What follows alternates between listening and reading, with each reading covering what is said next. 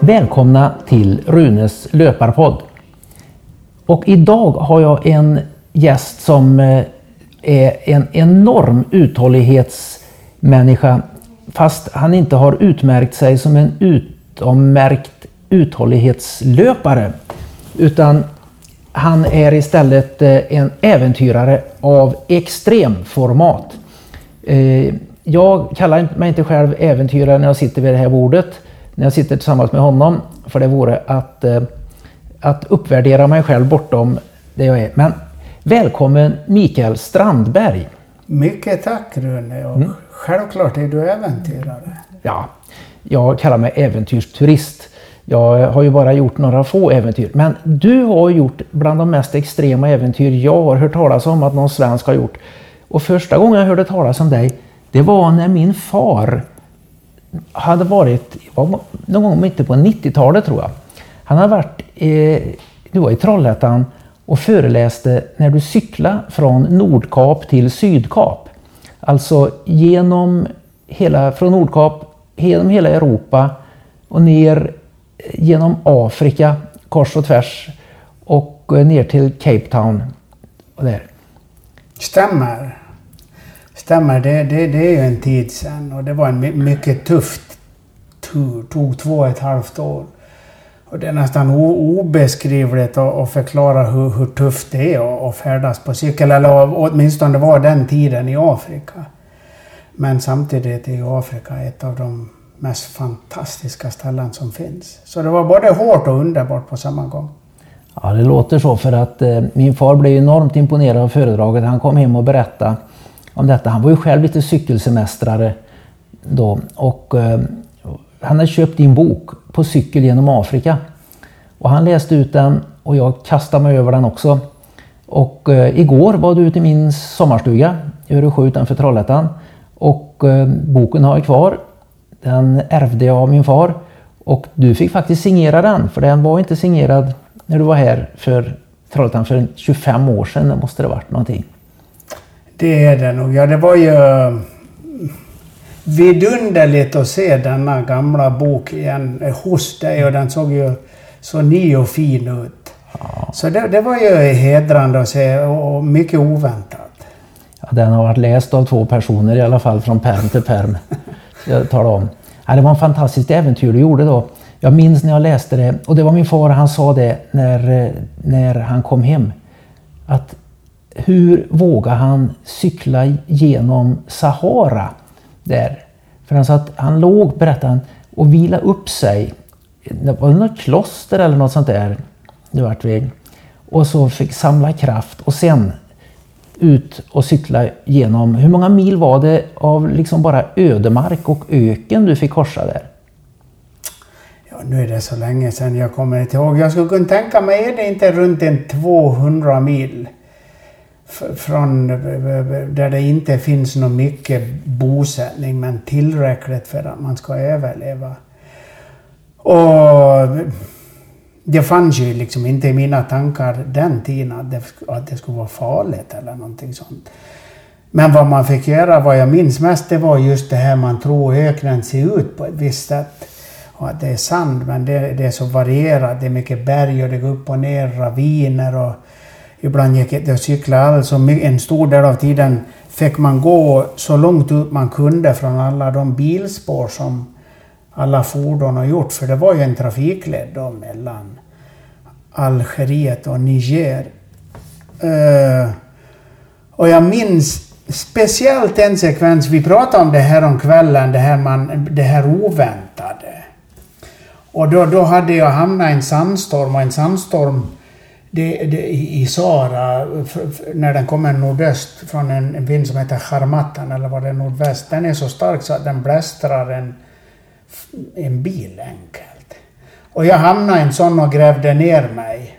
Låg och väntade på att den skulle sluta och sen kom det en bil, en Renault, och körde fast i sanden och stod där. Kanske stod en hundra meter bort från där jag var. Och, och då, det här är alltså mitt i öknen. Finns inte en människa.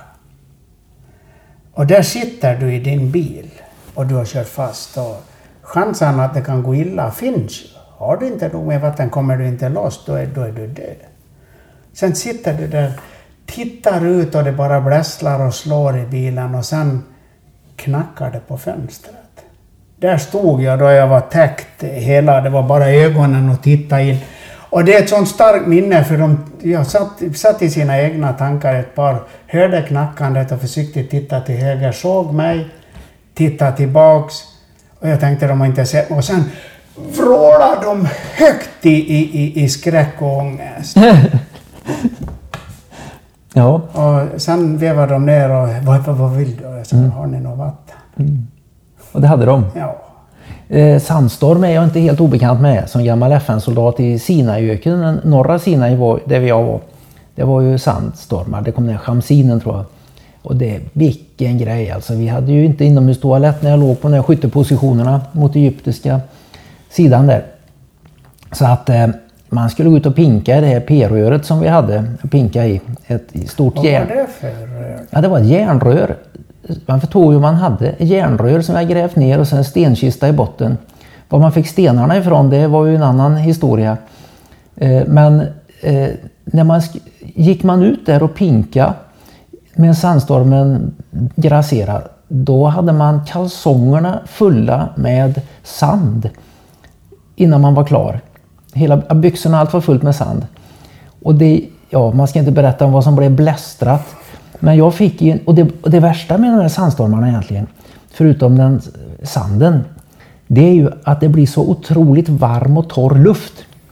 Eh, den suger upp all fukt. Så att det var ju, jag fick ju en idé där att någon gång i livet vill jag uppleva att springa i en sandstorm. Så jag klädde på mig Försvarsmaktens blå poplin träningsoverall med muddar. Satte på mig handskar mössa, drog en eh, sjal över ansiktet och de här glasögonen vi hade när vi körde öppna villisjeepar. Och så sprang jag 17 kilometer. Men det slet. Det slet alltså. Det, alltså mot vinden? Nej, en, en trekantig runda så att säga. Eh, från den här position 555, som, eller 553 som heter den där checkpoint jag jobbar på då. Och ett antal kilometer och sen, det var som en nästan lik, liksidig triangel jag sprang. Och det glömmer jag aldrig, det löppasset. Jag ångrar det inte, men eh, jag gör heller inte om det i första taget för att det var egentligen dumt det, i och med att det var så torrt. Så jag, jag vet, har en aning om vad du kan ha varit utsatt för där. Och jag hade ju i alla fall bara en prefab-barack av plåt att gå in och gömma mig i när jag kom fram. Men det hade ju inte du, du hade ju en Renault. Ja, jag hade den där då, då men Eh, det, det, det, finns ju någon skönhet i allt det här också.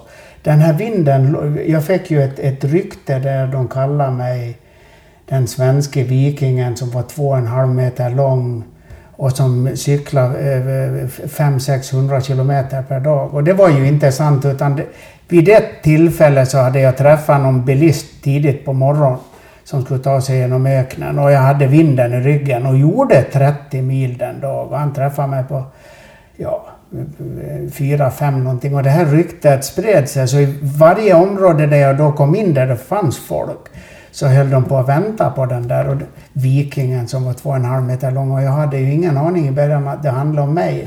Och inte visste de att det var jag heller, utan vi satt där och väntade tills vi till slut kom på att det var ju jag. Så då var de lite besvikna att man var så liten.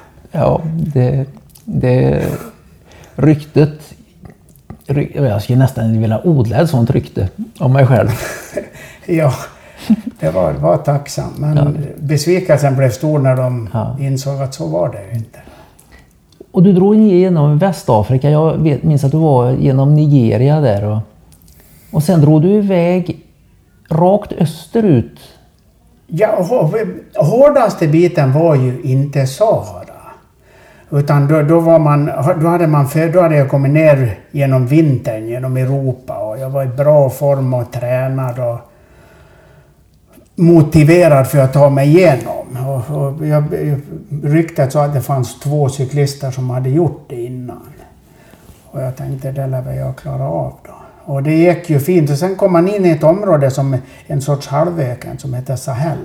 Där det är som en öken fast det är buskar också, något enstaka träd. Och det var mycket svårare, sämre vägar, mycket sand och grus som man fick skjuta cykeln. I Afrika hade ju man kanske en, upp till 50-60 kilo med reservdelar och allting om någonting skulle gå sönder. Och sen kom man in tvärt från det in i tropiska Nigeria. Så det var ju... Och där ändå värre. Och sen hela central, det var ju upp och det fanns ju bara grus och sandvägar. Men det gick. Det tog sin tid. Sen ja. kom jag över till Östafrika och blev...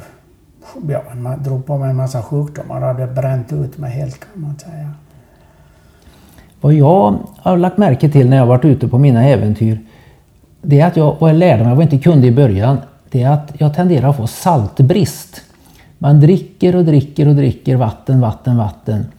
Men man får inte i sig tillräckligt mycket natriumklorid, framförallt salt, elektrolyter. Märkte du av det? Jag läste en annan intressant referens du hade i en av dina böcker om när ni börjar få tappa så att säga balansen och så vidare. Ja. Och jag undrar vad det är för jag, jag kan inte påminna mig att det har hänt. Så ni måste ha bränt ut kroppen där på ett ultraextremt vis. När det gällde det här med saltet så det, hade jag med mig sådana här salttabletter. Då. Ja. Och sen passar man ju på att salta maten ordentligt. Och sen lokalbefolkningen, jag minns vid ett tillfälle en helt 180 grader öken och du hade en massa sådana här hägringar som då dyker upp och man, det är så helt omöjligt att avmäta avstånd. Sen såg jag under en lång period att det såg ut som någon kom gående där och det kan väl inte vara sant här ute. Och det kändes som det säkert tog en halv dag och då kom det en gubbe där då med ett, en kopp med vatten. Nej. Som han har gått hela vägen för att ge mig. Och en klump salt. Var det, var det en hägring eller var det... Nej, det var på sant. Så, det, så, så fina är ju folk. Det var det, klart man börjar älska människor. Någon som då har hört ryktet att här kommer den här mer eller mindre sinnessjuka svensken och han kanske behöver en skvätt vatten och salt. Det är ju underbart. Mm. Ja. Då, då, visste de vad som krävdes. Jag vet att när jag sprang omkring i Sinaiöknen, det var ju beduiner som fortfarande... Det var i slutet på 1970-talet. De eh, brukar vilja ge mig vatten, framförallt Maja. Och, så här. och jag sprang förbi en oas en gång. En oas i en sandöken, det är ju inte vad man har sett i med karikatyrerna att det är en liten skogskärn med dadelpalmer runt omkring. För den, den driver ju i sand i och den, men det, palmerna finns ju där och då finns det ju vatten under. Kom jag sprang till en sån här oas och där hade de grävt ett hål och tät, ja, tätat hålet med korrugerad plåt och där ville de bjuda mig på vatten. Och det kunde man inte motstå. Det måste, man måste bara dricka det. Ja, det är det som du säger, det här med törst får ju ett annat perspektiv såklart. Men jag tänkte det här med löpningen, jag, jag vill verkligen försvara dig där på ett sätt att jag ser ju nu när jag har, har börjat springa, jag försöker göra ett par halvmaror i veckan och ska försöka höja det. Man bränner ut kroppen på ett helt annat sätt än, än jag gjorde på cykeln. Mm. Det, visst kunde det vara så att jag fick gå och skjuta cykeln långa avstånd men jag brände ju inte ut kroppen Nej. på samma sätt. Så det, det, det är lite annorlunda. Det tror jag beror på markkontakten vi löpare har. Och det grundar jag den teorin på att en vältränad löpare kan bara träna på samma intensitet, hälften så mycket som en vältränad skidåkare eller cyklist. Eller roddare för den delen. Vi, en vältränad löpare kan knappt köra mer än två, två och en halv timme på en dag. Då, det, då är det, ligger den på max även om du är världsklass. Men däremot en vältränad skidåkare kan ju, eller cyklist då, kan ju köra mycket längre. Och det, då säger de så här att ja, det beror väl på att löpare inte är så starka som, eller att de är mer lösa i köttet. Men det beror på, tror jag nästan säkert, det enda som skiljer oss åt är ju markkontakten som vi har. Den här lilla chockvågen som går genom kroppen när man landar. Den slapp du när du cyklade. Du cyklade omkull några gånger förresten. Ja, det har jag säkert gjort. Men jag tänkte, jag har ju också dragit en 160 kilo pulka genom Sibirien. Och jag vill påstå att det in, jag är mycket, okej okay, kanske det är lite ålder, jag vet inte, men jag är mycket mer trött efter en två och en halv timmes löptur. Ja. Än jag kan ens minnas att jag var på, på slitmässigt så att säga. Alltså hur, hur, man känner sig fullt bränd i kroppen. Det har jag, kan jag påminna mig jag aldrig någonsin har känt från, från de här andra varianterna, skidor och cykel. Men det här äventyret, när du till slut kom du fram till Sydafrika och ner till, eh, eh ner till Cape, Cape of Agallas. Cape of Agallas. Är det, är det Goda Hoppsudden? Eller? Ja, lite längre söderut. Ja, där. Nåväl. Eh, du hade varit ute i några år och upplevt. Det är ju helt fantastiskt. Det är säkert många som önskar att de kunde göra en sån grej. Men väldigt få som verkligen gör det. Eh, jag önskar att jag skulle kunna ha cyklat genom hela världen som du gjorde där. Och eh, du fortsatte ju med äventyr. Det var inte ditt första äventyr. Eller det här stora äventyr. Eller vilket var det första du gjorde? Första, om man säger så att säga, 1986 så bestämde jag mig för att cykla från Chile till Alaska. Och drömmen, min stora dröm då det var att få skriva artiklar för Falu-Kuriren, denna gigantiskt stora tidning i Dalarna. Oj. Så det var, om jag då cyklar från Nya Zeeland till nej, från eh, Chile till Alaska, då, då lär jag väl kunna skriva någon artikel där. Så det var på den nivån. Och sen har det ju ja, spårat ut lite får man väl säga. Men du, eh. du, du cyklar verkligen från var du långt ner mot eldslandet? Nej, så långt var det inte. Jag läste i den här Guinness Book of World Records att världens längsta landsväg var den panamerikanska som gick från en Chiloé i Chile till Prudhoe Bay i Alaska. Så det var det jag gjorde. Och sen blev jag under den turen en av de första som passerade genom den här illa beryktade djungelbiten El Darien mellan Colombia och Panama. Hur långt är det? ja, var en 80 mil jungfruträsk och djungel. Så det var en slitsam tur. Det var en slitsam tur. Men... Eh, Men gick inte den här panamerikanska landsvägen genom djungeln då? Ja, under planering. Och det det ah. intressanta är ju att den då, vad är det, 30 år senare nu, nej det är det 25 år, är fortfarande under construction. Ja, det är 35 år så måste det vara. Ja, det är det. Det är ålder man... Ja. Du är, sex, vad är, hur gammal är du? 58 år nu. Ja, du är sex år yngre än vad jag är. Du är rena junioren. Du har framtiden för dig, Mikael. Nej, men eh, då gick du alltså, och jag, jag pratade med dig om detta förut, du gick alltså och släpa och ledde cykeln på en hopplös smugglarväg va? Ja, det var om man tänker sig skogsleder då som man följde. Inte svenska timmervägar, timmerbilsvägar? Inte alls, utan som en fin mjuk skogs... Men i regnskog är ju rötterna enorma ja. och det är alltid fukt och alltid blöta och träsk. Och, av alla, om jag, tuffaste omständigheter av allt är regnskog. Jag menar, Polarområde lätt, är det lätt som en plätt i jämförelse med en djungel. Den, den är så oerhört, sliter så mycket luftfuktigheten och du tappar kraft och tappar kraft och tappar kraft och du dricker och dricker, ingenting hjälper. Du svettas 24 timmar om dygnet i en riktig regnskog. Du kan liksom inte hantera det. Så du är liksom kladdig och svettig hela tiden. Eh, och det går inte att hantera. Grejer ruttnar. Och på den här färden, då man kommer man till ett, ett träsk, då får du gå igenom med cykeln först och borra över den på andra sidan. Sen hade du all utrustning för att gå tillbaka och hämta den och bära över den. Och många av de här träsken, eller allihop naturligtvis, de hade ju Eh, vad heter de heter nu då? Blodiglar? Ja, blodiglar, så heter det. Och det var var ju inga nöje innan man insåg att de var ju inte farliga. Men man kunde, I början satt man och tittade på dem och de drack blod och de växte och växte och sen ramlade de av. Det, det, det minns jag. Sen blev jag biten av en kongamyra. De är så här stora. Ungefär 5-6 centimeter. Ja. Och giftig alltså? Ja, ja giftig. Vi trodde det var en giftorm. Såklart. Jag hade en, en engelsman med sig som blev religiös efteråt. Jag undrar nästan inte på det. Eh, så, så det var en tuff tur, men, men vem tänkte på det då? Det är nu jag ser de här referenserna så kan jag hitta någon och skriva att jag har gått igenom och vilken fantastisk tur det är att ta sig igenom. Men då, det, det var ju en liten fläck jämfört med hela färden.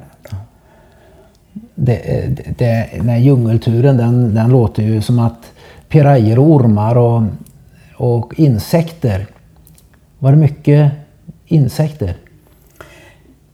Ja, det är det ju alltid i, tro, i, i tropikerna. Ja. Så att säga. Det var ju något mer eller mindre. Och det var man röjde ju framåt hela tiden. Ja. Eh, så ja, nu, nu är det så länge sedan så jag, jag nästan glömt av det. Men jag har ju varit i tropikerna och djunglar därefter och, och, och funnit ett stort när jag var där. Men inte så att säga sett till att försöka passera igenom. Mm. Afrika var ju liksom en stor del tropisk regnskog. Tufft, tufft, tufft. Men eh, bättre vägar eller? Ja, vägar fanns men det var ju mest sand och grus mm. och regnade. Det är tufft men det gick ju. Mm. Var det, tog du dig igenom eh, Kongo, det som dagens Kongo som ju har bytt namn ibland? Hette Zaire då. Zaire ja. Kongo-Kinshasa, ja det stämmer. Eh, det var nog den mest spännande, mest vilda delen av Afrika, Kongo-Kinshasa. Jag, var, jag kom tillbaka 21 år senare tillsammans eh, med Kensington Tours. Jag hade ett sånt här småjobb. Och vi åkte i stort sett exakt samma väg som jag gjorde då. Ingenting hade hänt. Inte det? Det har bara blivit mer slitet. Ja, och, och eh, har det blivit farligare också? Rent eh, politiskt? Och... Jag tror inte det. det. Det är ju så i dagens mediala värld att vi vet så mycket mer. Men det var en livsfarlig område även den tiden som jag var där. Om man läste böcker och så vidare. Så det har alltid varit en, en värld full av hetsporrar till höger och vänster. Men det gör ju också att det är en av de mest spännande och roliga ställen som finns. Eh, jag åkte, när jag åkte över floden mellan Centralafrika och Zaire, då var det någon som stal pump, cykel. Ja. Jag hade ju bara en. Ja, det... Tre mil senare hade jag en punktering. Ja. Satt där vid sidan av en jordväg. Jag är ju het och härdar och skriker oftast. Jag gör det än idag faktiskt. Nu har jag en dotter som skriker lika mycket som jag. Eh, och där satt jag, då kom det en sån här cyklande försäljare i kostym och hatt. Och det här är alltså 110 procents Mm. Råsvettas hela tiden och han hade sin försäljning längst bak på cykel och han stannade och tittade och undrade vad det var för fel och sen sa jag någon har stulit pumpen. Och då tittade han lite och sen tog han fram en cykelslang, skar av en liten bit och rullade den runt min, vad är det det heter? Ventil? Ja, ventil. Och sen körde han på sin gamla och pumpade i bara. och sen sa han, jag trodde ni vita kunde allt. de, de blir ju fantastiska på att reparera det som behöver repareras. Eh, deras mekan, bilmekaniker, de är ju experter på att hålla liv i det som ingen svensk bilmekaniker skulle ens rekommendera för skroten. Gör det till armeringsjärn det där. Det går inte att göra något åt det. Jag har hört att de är fantastiska i alla fall. Ja, så är det ju. Och det, man, man beundrar ju deras genialitet och, och, och, få saker och ting att drivas. Du kan ju möta halva bilar på färd exempelvis som någon, med ett cykelhjul som tredje hjul. Men det funkar och de tar sig fram. Och, så man lär sig mycket, man får perspektiv. Ja. Men du kom igenom eh, Centralamerika där på den där turen också då. Och mm. eh, det som idag är länder som är lite, lite påverkade av narkotikahandel skulle jag tro. Till exempel vissa delar av Mexiko är ju helt livsfarligt idag. Eller hur? Ja, samma rykte då med, med, med droger och så vidare. Hela den här under den tiden var ju Manuel Noriega, han som senare då togs av FBI, var ju president i Panama. Och Colombia var ju på pappret livsfarligt. Och naturligtvis var det en av de absolut bästa länderna med de finaste människorna i vanlig ordning när det är tomt på turister. Så jag har ju varit i många. Jemen var, var ju på pappret världens farligaste, bästa människorna igen. Varför åker du till farliga ställen? Du säger att det är farliga länder och ändå åker du dit? Farliga enligt UDs rekommendationer. Jag har ju för länge sedan insett att eh, den bild som media ger av världen skiljer sig väldigt mycket från, från verkligheten. Och medias roll är ju i och för sig då att försöka granska makten och situationer i andra länder, men den är ju klart övervägande negativ och skiljer sig väldigt mycket från verkligheten, i synnerhet när det gäller Jemen. Det är ju, man sitter bara och kopierar varandra. Det är en, än idag är ju tragiskt att sitta och läsa. Eh, och nu när man lär sig mer som exempelvis om Jemen och Medland, då vet du ju hur, och du lärt dig hur media fungerar och hur idag det blir större och större brister i journalistiken. Och jag mm. saknar eh, den här 70 80-talsjournalistiken när det lades in mycket pengar för att utveckla hur, hur journalistik skulle fungera. Ungefär som att eh, både du och jag håller ju på med media. Mm -hmm. Jag skriver ju i tidningen Runners World, krönika. Och du, eh, och nu har jag på med den här podden. Det är ju från, eh, från säker källa får jag information från, av dig direkt nu då. Men du gör ju också dokumentärfilmer. Mm, det, är väl, det är väl det jag lever på idag. Men jag vill säga att eh, vi pratade om det där eh, du sa att jag haft en sån tur i livet. Att jag har haft, ja. Mm. Och så jag skulle vilja kunna lägga det på mig också. För jag har ju det här med om vi tar film exempelvis. Det var ju när jag gjorde den första cykelturen och fick en artikel publicerad i Falu-Kuriren då, denna jättetidning. Så då låg ju det här TV-programmet packat och klart i Falun. Och det var ju den här tiden när det var två eller tre kanaler. Så var man med där, det var ju liksom instant success så att mm. säga. Så det var det, så det, det började. Sen gjorde jag Afrikaturen när jag kom hem från den. Då sa någon på packat och klart att du, ska du ta med dig en filmkamera eller en, en Hi-8 och filma det där? Så jag gjorde det och det blev, får man väl säga, en framgång. Så började filmen, men jag har inte lärt mig gjort film förrän den här Grönlandsfilmen. Nu börjar jag förstå, så här gör man film. Ja, Grönlandsfilmen pratar du om, det gick ju på SVT nu. Mm.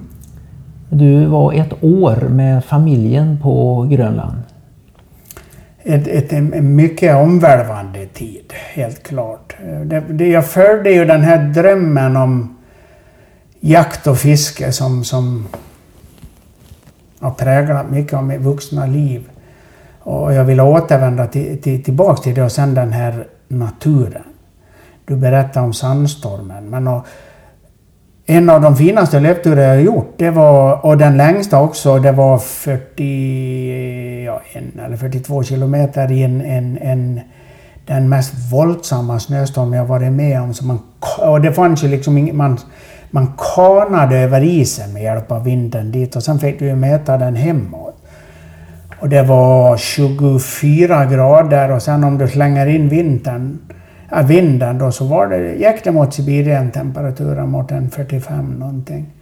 Men och var fångad i det här skalet och den här friheten fanns ingenting, bara du.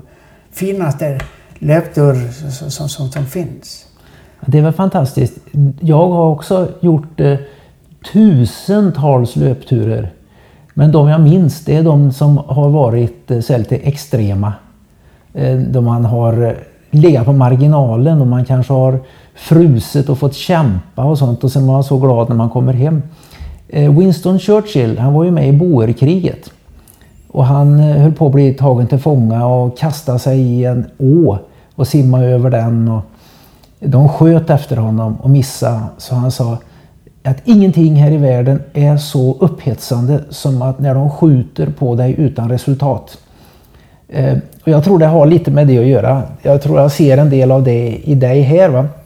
med dina äventyr. Eh, I alla fall så, jag får nästan återgå till den här eh, långa cykelturen genom eh, den amerik de amerikanska kontinenterna. Du kom igenom Mexiko. Tog du igenom San Diego också eller? Mm. Jag kommer ihåg när jag bara korsade gränsen in och... Tijuana? Precis. Och det började direkt med de här Neighborhood Watch. Ja.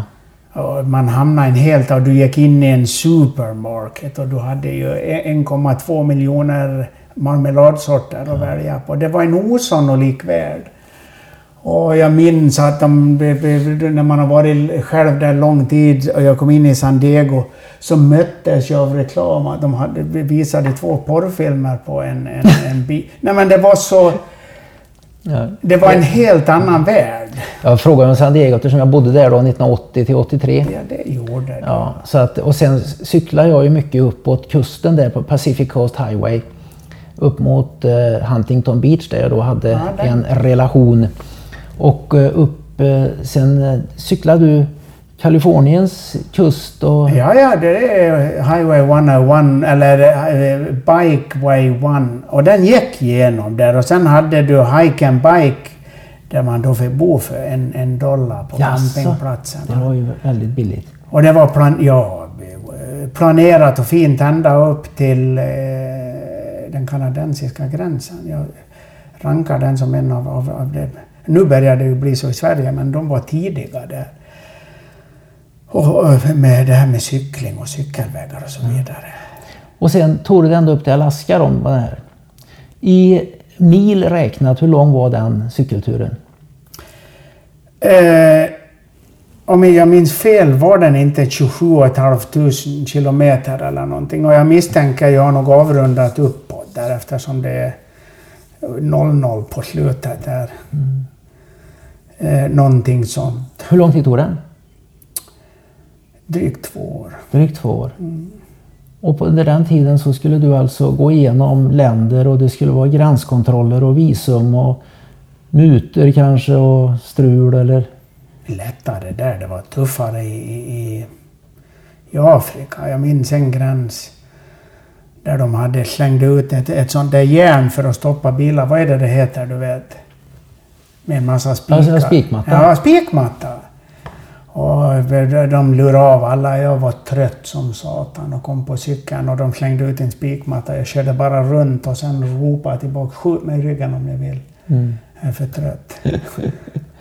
Det var ingen som sköt. Men det var någonting i Afrika hela tiden. Men det brukar, allt som var krångligt sluta med ett gapskratt. Alltså, ja, det är ju det är ett lyckligt slut. Ja, så är det ja. inte överallt. Nej.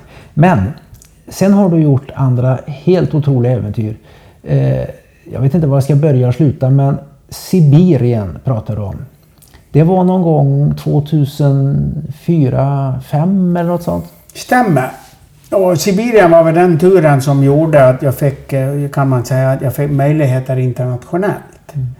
Eh, och fick väldigt mycket uppmärksamhet. Jag och Johan Ivarsson, en, en lugn, trygg Malungsbo som inte så många ord på hela den färden. Men bästa kamraten. Vi masar säger ju inte så många ord. Vi, vi, vi vet inte så mycket. Så det var en, det, det, det, en fantastisk tur när vi skidade och paddlade. Det var liksom en, en, den stora vildmarksdrömmen. Och det var ju på pappret en av världens farligaste. Det var här Stalin la de värsta koncentrationslägren eller gulager, penalty colony. Så, men det är bästa folket.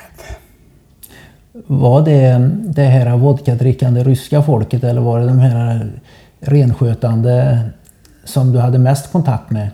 Nu snackar jag vodkadrickande ryska folket för att det finns ju i Ryssland har de ju ett eh, uttryck att i Sibirien Eh, eh, eh, 30 mil inget avstånd, 30 grader kallt, ingen kyla och ett, gla, ett dricksglas vodka, inte ens en snaps.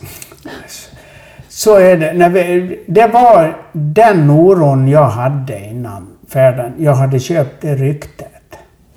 Sen skulle det visa sig att verkligheten var så här. Visst fanns det brännvin och missbruk av det, men inte något mer än det finns i Malmö där jag bor nu. Och då var det ofta så här att de här människorna man träffade, de kanske fick någon typ av medborgarlön då en gång i månaden. Och då söp de en dag, då, då söp de upp det mesta. Och sen var det ju slut. Så det var, om vi tänker oss, om det är 30 dagar på en månad, så var det 29 dagar utan sprit. Så det gällde bara att passa in och komma, undvika den där en dag. Mm. Nu blev det ju så att vi hamnade i dem ibland och då blev jag en gång attackerad av en man med en fryst fisk, kommer jag ihåg. Som, och sen försökte de sparka in dörren i en lägenhet vi bodde eftersom vi var spioner, Johan jag. Men vi hade ju satt ju på med bössor på andra sidan, så det var ganska lugnt. Okej, okay. den turen. Vilken tid på året började den? För att du sa att du paddlade. Och sen vet jag att du har varit i extrem kyla i Sibirien på den turen. Ja, vi började väl paddla i juli. Och sen frös det till i mitten av september ungefär och då satt vi på ett ställe som heter Syrianka i sex veckor. Hur långt öster om Ural är det? Ja, om Ural, vad kan det vara? En fem timmars flygning ungefär. Fem timmars flygning? Mm. Har du tur så kan du flyga från väst till öst och se Putins nyhetstal åtta gånger. Ja. Om du vill. Så stort är Sibirien och Ryssland.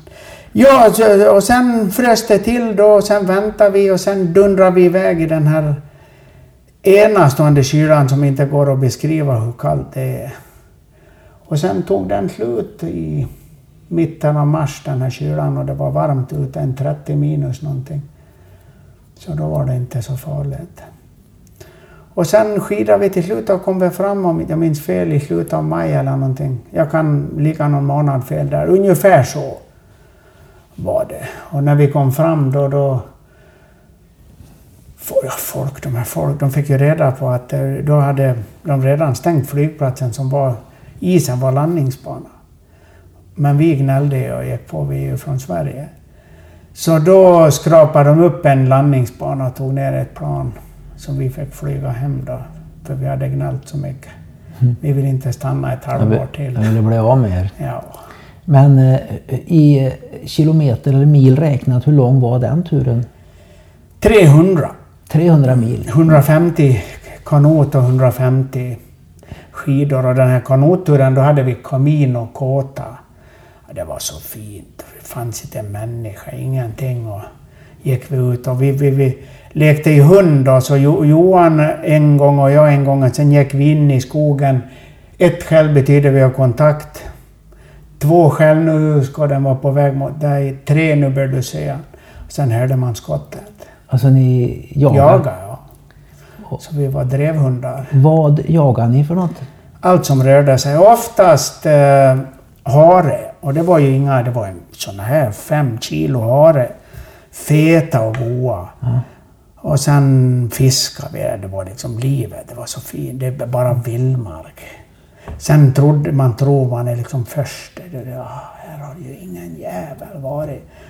Sen minns jag en gång vi slog, bara gick ur kanoten för det var vi, det, vi hamnade i en tyfon i början så vattnet åkte ju upp i sju meter. Det var ju helt ohanterbart. Hade jag inte haft Johan där hade jag dött.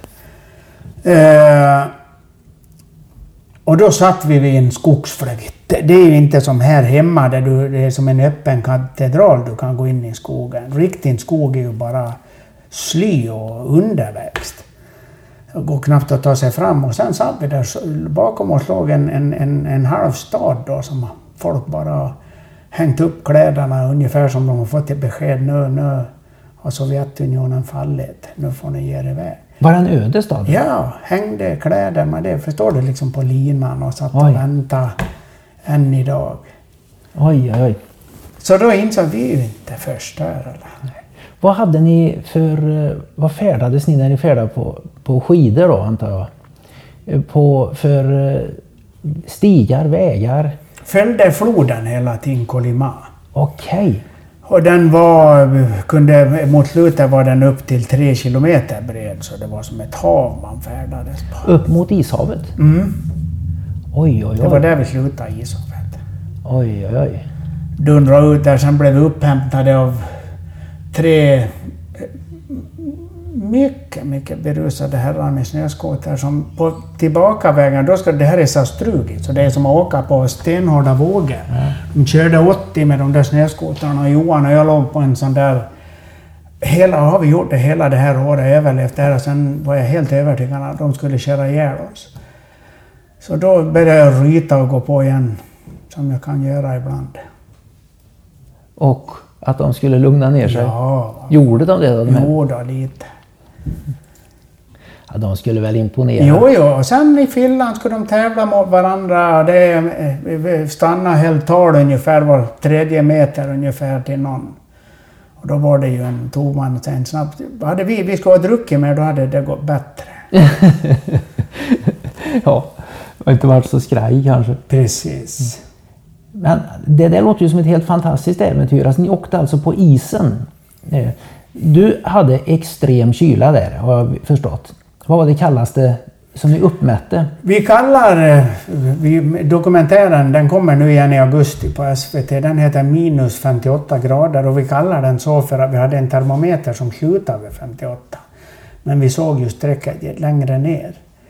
Nu är det inte det kallast bebodda stället i världen utan det ligger en, en skvätt västerut och heter, ja, ja, ligger runt Jakutsk och, och, och, det området. Och jag var ju tillbaka och gjorde en film för några år sedan där med, när jag färdades 150 mil med ren, ren och renklädda genom Sibirien. Har du gjort det också? Mm, gjorde en film för ett amerikanskt, ganska känt medieföretag som jag gillar, därför nämner jag inte deras namn. Eh, så visst var det kallt, men och vi fick ju extremt mycket uppmärksamhet världen över och jag hamnade ju på The Royal Geographical Society i London, jag hamnade på The Explorers Club i New York och fick föreläsa med Edward. Wilson som länge var min idol, vår tids Darwin. Valentina Tereshkova, första kosmonaut som gick i orbit. Och ja, det blev, sjukt alltihop tyckte jag.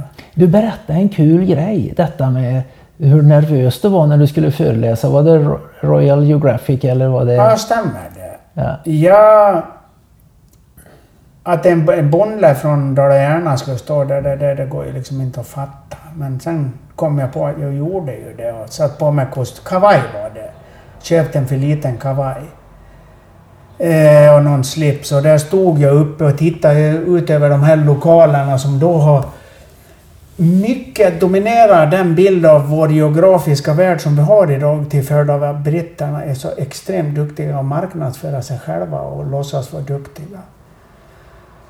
Så då står du där med 800 pers framför dig. Och jag är glad att det var den här tiden innan de drog in vem som helst som fick berätta. Så då, har du, då är det uppdelat i två sidor. 400 sitter då på vänster och det är öler, lorder och baroner. Så var tanken. Och sen till höger har du då, ja, jag misstänker de kallar det kreti pleti. Och det var massor av folk och jag tänkte, hur ska jag, en, en bondläpp, kunna stå här? Och då tittade jag till höger såg jag Robert Falcon Scott, en staty, titta ner på mig. Och sen tittade jag vänster stod Ernest Shackleton och kikade ner på mig där och jag tänkte, Ja, statyer. ja, Det, det var någon äventyrarna för över hundra år sedan. de brittiska, Ja, de brittiska. överreklamerade. Jaså? Ja, ja, ja. Ja, o- okej. Eh, men det kände man, jag hade ju köpt den här brittiska bilden. Jag ju, har ju alltid varit lite anglofil så att säga.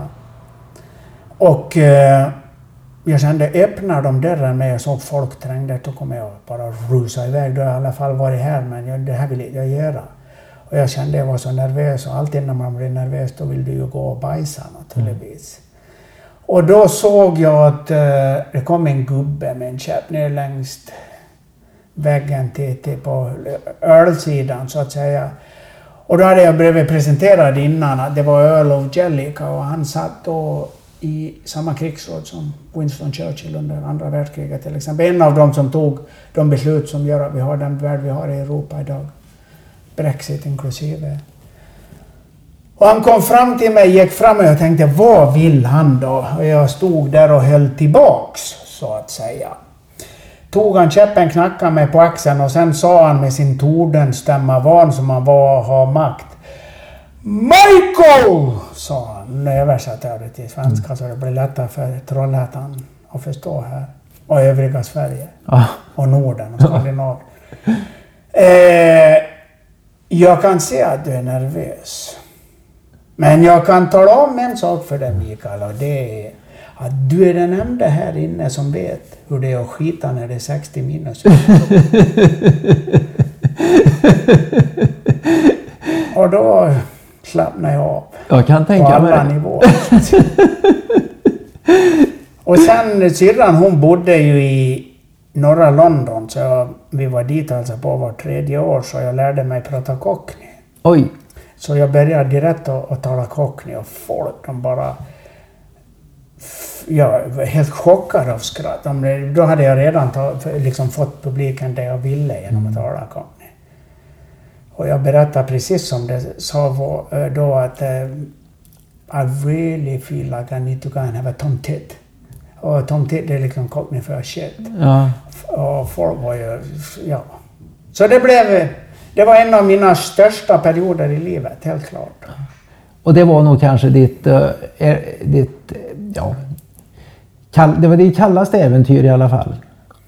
Ja, det var en sorts resa på något sätt får man väl kalla det. det är, mm. Jag har ju varit i kyla, 30 minus och sånt äh, jag är ju inte helt obekant med. Och, så. och det jag eh, har ju märkt då det är att det går inte, inga problem att freda sig och klä sig och så. Men det är just händerna när man ska packa ihop utrustningen till exempel på morgonen när man ska, ska iväg. Hur klarar man det när det är kallare än 40 grader bara? Ja, vi lärde oss då ganska tidigt, det som var märkvärdigt, det var när vi var med lokalbefolkningen. De hämtar ju vatten genom att hålla ett en, en vak öppen hela vintern. Och sen gick de dit och högg de ur lite is. De tog med sig is tillbaka som färskvatten. Sen bara tog in det och slängde i en kastrull och värmde på spisen. Och de jobbar ju utan vantar. Och det är liksom tekniskt omöjligt att det går att göra, utan det är en förfrysning. Men då hörde en läkare av sig till mig och, och som är en av mina bästa vänner idag, Ken Kemler, som också är Explorers Club. Han sa att de har den här delen, från handen och hit, är kroppens absolut känsligaste del för att du har de här utanpåliggande. Deras blod här går 20 procent saktare från handen och hit. Så vill du så att säga undvika förfrysningar, täck detta och det är okej. Okay. Mm. Så var det. Jo, muddarna över eh, mm. handleden. Men, men, de är lätt att släppa om man inte har någon klocka som förstår. Man tänker mm. inte efter. Nej. Så vi fick, och sen tänkte vi så här, vi är, upp, vi uppväxta här i Västerdalarna. Okej, okay, vi kanske inte har 50 minus, men vi är ju inte rädda för snö. Så vi var liksom aldrig oroliga och alla vi träffade ju tappade en, en nästipp eller en öronsnipp och de hade ju köldskador. Det går ju inte att beskriva som det bara blödde ur. Och här i Sverige då, då kan du ju bli... En, en, en, kroppstumme blev ju väldigt känd. Och, och då, det, det, kan ju gå illa naturligtvis på så vis, men när man träffar lokalbefolkningen då förstår vi, sluta oroa er. Mm. Det, det, nu har vi pratat om din cykling genom från nord till syd. Och vi har pratat om din cykling från syd till nord. Och om eh, den här eh, fantastiska Sibirienturen. Som jag jag, jag, är, jag är inte lagd åt avundsjuka men jag tänkte att den skulle vara grejer att göra. Jaga och fiska och, och ta sig fram. Och uppleva det här extrema ute i marginalen där det är när det är 50 grader kallt. Men du har sagt tidigare att det blåste inte när det var så kallt. Nej, det, det var... Vi, en enda dag så hade vi låg temperaturen så vi, vi kunde se runt 50. Det här är ju den mörka tiden på året så det är nästan totalmörker hela tiden. Och sen bara för att ge en beskrivning hur det är när man lever 24 timmar ute. Det gjorde ju inte folk, vanligt folk, de hade ju en kamin med sig åtminstone, men vi hade ju inte fattat bensinfrysen när det är minus 50. Och vi hade nog skitbensin såklart. Eh, det var då faktum att under själva kläderna så, har du, så hade du som äh, armor, vad heter det på svenska? Ja, pansar. Ja, pan, eller av is. Så du hade liksom, så när du gick och la dig i tältet så hade du alltid den här ismängden som skapar naturligtvis fukt och det första när du slog på ficklampan på morgonen det var liksom du hade ett sånt här enormt nät av utandningsluft och fukt som var så vackert och sen var det en sekund senare borta. Så man fick ju ligga med all teknisk utrustning på sig för att den inte skulle gå sönder. Låg alltid med en liter bensin för annars i förhoppningen att vi åtminstone kunde, när det var lite varmare, alltså under 50, kunde få någon skvätt i oss. Men sen hade vi med oss straganina som det heter, fryst rå fisk som man bara åt. Och vad vi inte visste i början tänkte, då tar du liksom bara en fisk. Sen satte vi den mot munnen och i början hade vi inte fattat att vi hade fukt på läpparna så den frös ju fast. Så då stod vi där som två hammarhajar och tittade på de andra fiskarna. Tills eh, vi lärde oss att eh, liksom skära ur strimmor och ta med oss hela tiden. Och sen var vi än kom vi hade ju inte klarat av, det ska bara sägas, vi hade ju frysit ihjäl inom tio dagar om det inte har funnits folk varje vecka. Det är bara att konstatera, vi var för svaga. Vi klarade inte av att göra eld. Det, går, det tog ju nästan 24 timmar och, och, och när du, ett träd, du kunde ta en stor stam och bara hugga igenom på några hugg. Men sen, den är ju frysfossiliserad och vis. Sen när den ska in i spisen så tog det 24 timmar och det, det gick inte att få upp någon hetta. Nej, det var för slitet. Det hade vi dött. Vi var, vi var inte duktiga nog. Så vi överlevde. Och det är det jag försöker berätta för alla. Det fanns ju folk där, de är mycket bättre än oss. Men vi lever i den här anglosaxiska skrytvärlden att, att vi är så duktiga. Och sen, det är ju så fjantigt. Ja. Du, du berättade ju att du åkte efter renar genom Sibirien också. Hur, var det 150 mil eller vad Ja, det var kallare. Det var kallare? Ja, då satt du där bak på i, det, var, det var världens kallaste bebodda område. Du kunde ju röra dig. När var det du gjorde det äventyret? För det var inte i samband med det här? Nej, det var 2000, eh, ja kan det ha varit 15. Frozen Frontier lyckades de döpa filmen till.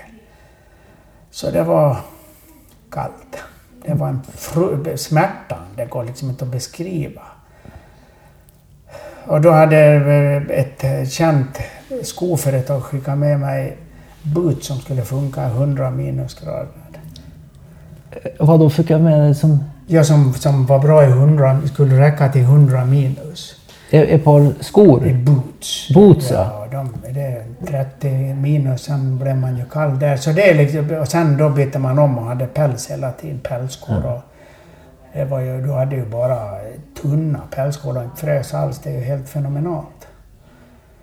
Så det var fint. Men du är ju tung och klumpig. Det såg ut som en stor lufs och björn som kom överallt. Och det in, svetten, det går liksom inte att beskriva. Och ha det där på sig. Så jag brukar ofta få frågan vilka kläder är bäst i polarområdena. Gör du ingenting, kör päls, håller du på med äventyr, då är det moderna material som gäller. Det är det. Ull? Ja, ull funkar bra. Mm. Jag var på Aconcagua. Då var ju detta med att inte förfrysa fötterna. Det var ju en grej. Men jag lånade av eh, en kompis från fallskärmsjägarna, eh, Peter Forsberg, lånade hans Jörnkängan. Vanliga Jörnkängan.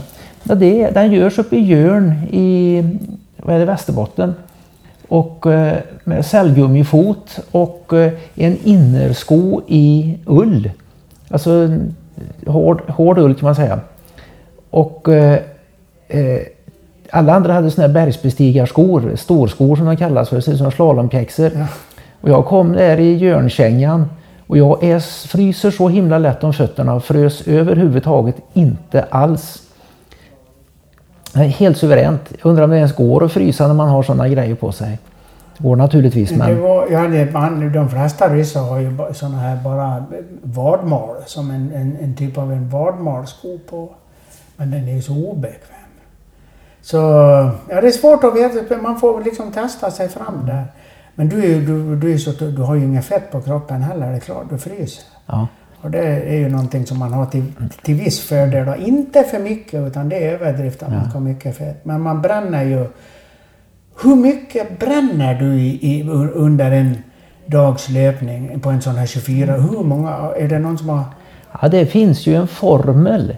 Att ungefär en 70-74 kilo tung kropp eh, omvandlar ungefär eh, ungefär 100 kilokalorier per engelsk mil, alltså 1,6 kilometer. 620 kilokalorier per vanlig mil. Och eh, 10 mil då, det är ju över 6000 kilokalorier som man då omvandlar. Enligt den formeln, eh, när jag sprang över 26 mil på 24 timmars, då hade jag ju min vanliga kropps grundomsättning naturligtvis på ett par tusen kilokalorier. Och sen eh, då 26 gånger 600. Det drar iväg.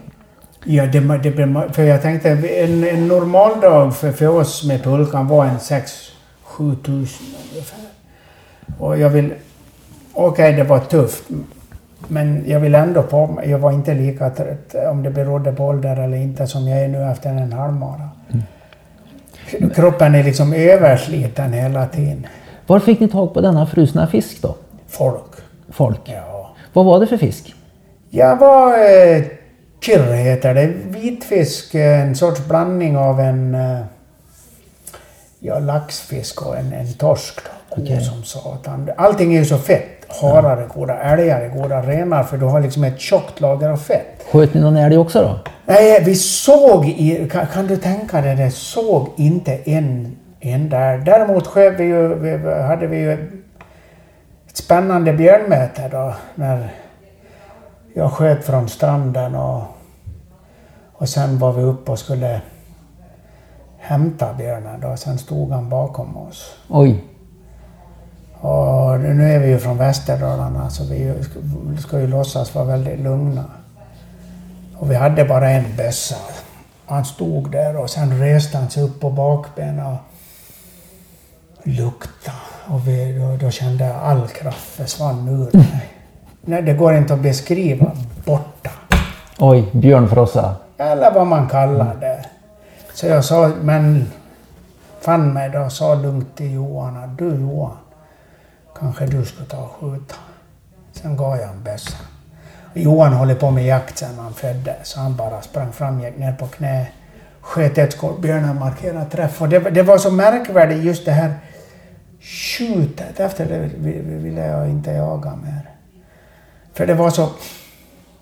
Han slog ut med armarna och det liksom tittade på oss. Men vad, vad är detta gott folk?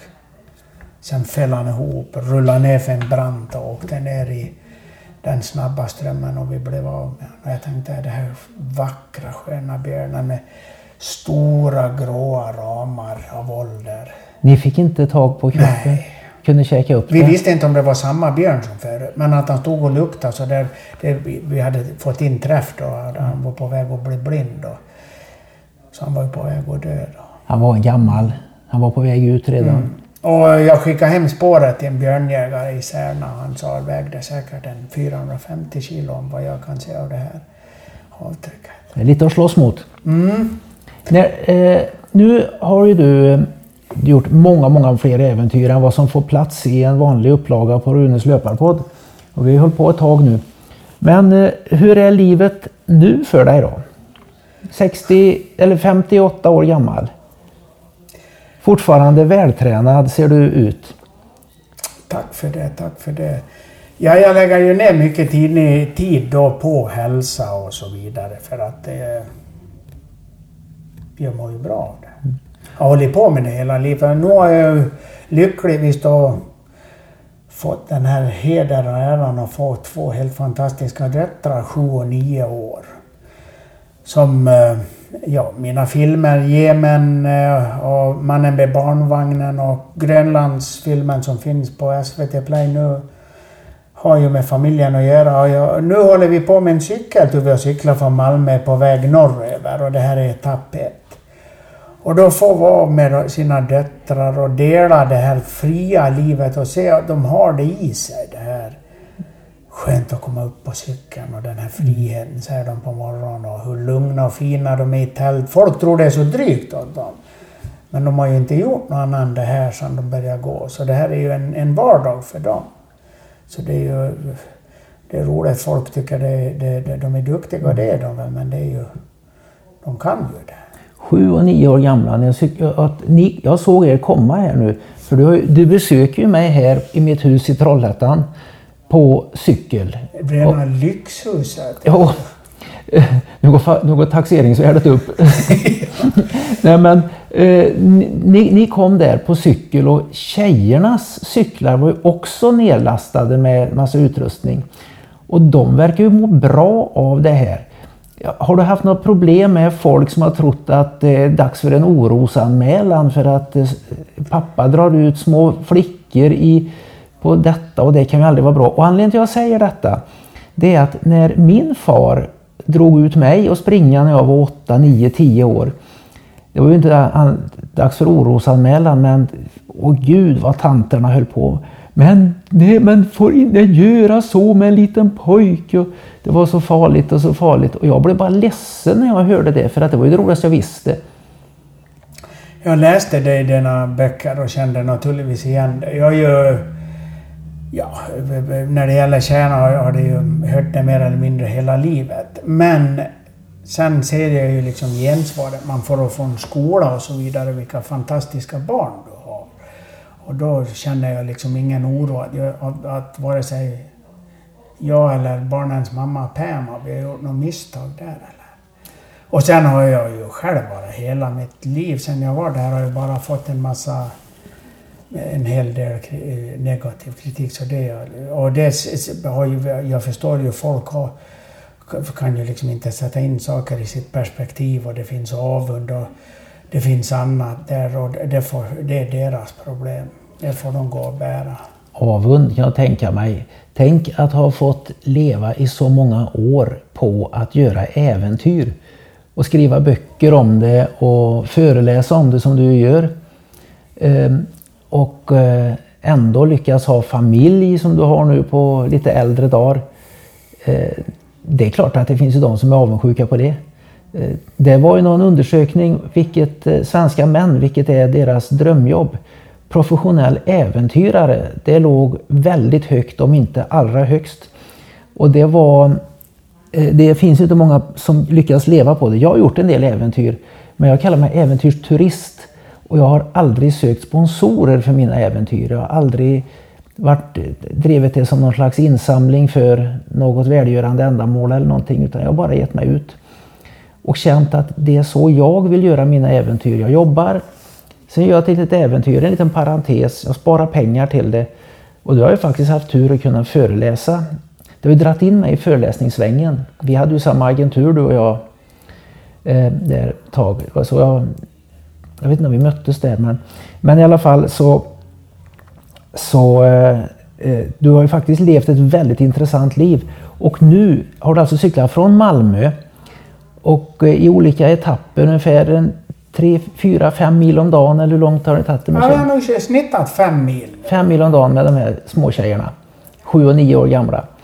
Med att de också har utrustning på sina cyklar. Och eh, ni ska upp till, vart då? Nu åker vi upp till brorsan i Dala-Järna. Det får bli etapp ett, sex veckor. Det här var liksom... Vi har ju påbörjat nya filmer, bland annat där Rune är en av de som tillför väldigt mycket när vi, framförallt när vi pratar om ämnet ålder, som var väldigt intressant. Det har krupit på mig, ålder. Eh, så det, det är liksom del ett nu då, så vi får vara ute och cykla, se hur det går och så vidare. Sen så vi får vara tillsammans. Jag har ju, en sak har jag lärt mig, det är just det här livet är kort. Man ska inte liksom sitta och kasta bort någon tid. Om hundra år har alla glömt oss i alla fall. Så det gäller att passa på och leva fullt, fullt ut. Och jag kommer att köra som en galning tills den dagen det är över. Mm. Du, har, vad har du att förlora? Ingenting. Nej. Dala gärna etapp 1. Men då måste ju innebära att det finns en etapp 2, kanske 3 och 4 också då. Mm. Vilka är det i så fall? Ja, nästa etapp blir väl, vi kör under två lov så att säga och allt går ut att vi ska ta oss till nordöstra Sibirien. Med tjejerna? Med tjejerna. Och nordöstra, nordvästra Sibirien, det är ju den närmsta delen från Sverige räknat. Precis. Nordöstra Sibirien, det är ju långt bort mot Alaska nästan. Eller? Ja, inte ända. Det är en 11 000 kilometer såg jag. Jag satt och tittade på det igår. Jag misstänkte kanske du skulle fråga. Och då kom jag på att jag väl titta. Jag har inte ens kommit så långt så jag tittade hur långt det var. Och då såg jag när jag drog lite streck där, det blev en 11 000. Det, eh, så det blir det. Och sen är, är, tanken då att jag ska gå på skidor och, och skida till Nordpolen så som det ser ut idag. Det är ju lite annorlunda idag jämfört exempelvis om man tänker på hur det var under när Ola Skinnarmo och Göran Kropp då gjorde Nordpolen känd till Sverige. Ja. Det har hänt mycket sedan dess. Mycket krångligare ja. nu. Så det är tänkt så där, det är den pappa, äh, veteranen, pappan, jag måste ju försörja ungarna. Det har ju du gjort rätt. Du har ju du valt att ha ett sidjobb och, och, och, och kan på så vis försörja dig. Jag måste ju köra det här, vilket är helt okej okay, kan jag säga. Också. Ja, det kan jag tänka mig. Eh, tills döden då knackar på dörren. Mm. Och döden kan knacka på isen också. Det kan den göra. Så att... Eh, men det, tar, det, det, ingår så att säga. Då är det som det är. Så jag tränar ju ungarna nu. Nu får ni lära er snart och liksom att ta, var, ta, ta hand om er själva nu ungar. Ja. Ja, inom en 15 år i alla fall. Ja. Det är åldrandet. Asaguden Tor, han brottas ju mot en kärring och klarar inte av henne. Och han undrar ju, men hur sjutton kan jag förlora mot en kärring? Hon, är ju, hon besegrar ju mig. Tills han upptäckte att den här kärringen var död, eller åldern, ålderdomen. Den kunde inte asaguden Tor besegra. Det är en eh, vacker saga. Det var det. Eh, inte ens den mäktigaste, starkaste av gudarna i den mytologin klarar av ålderdomen. Den vet på honom också.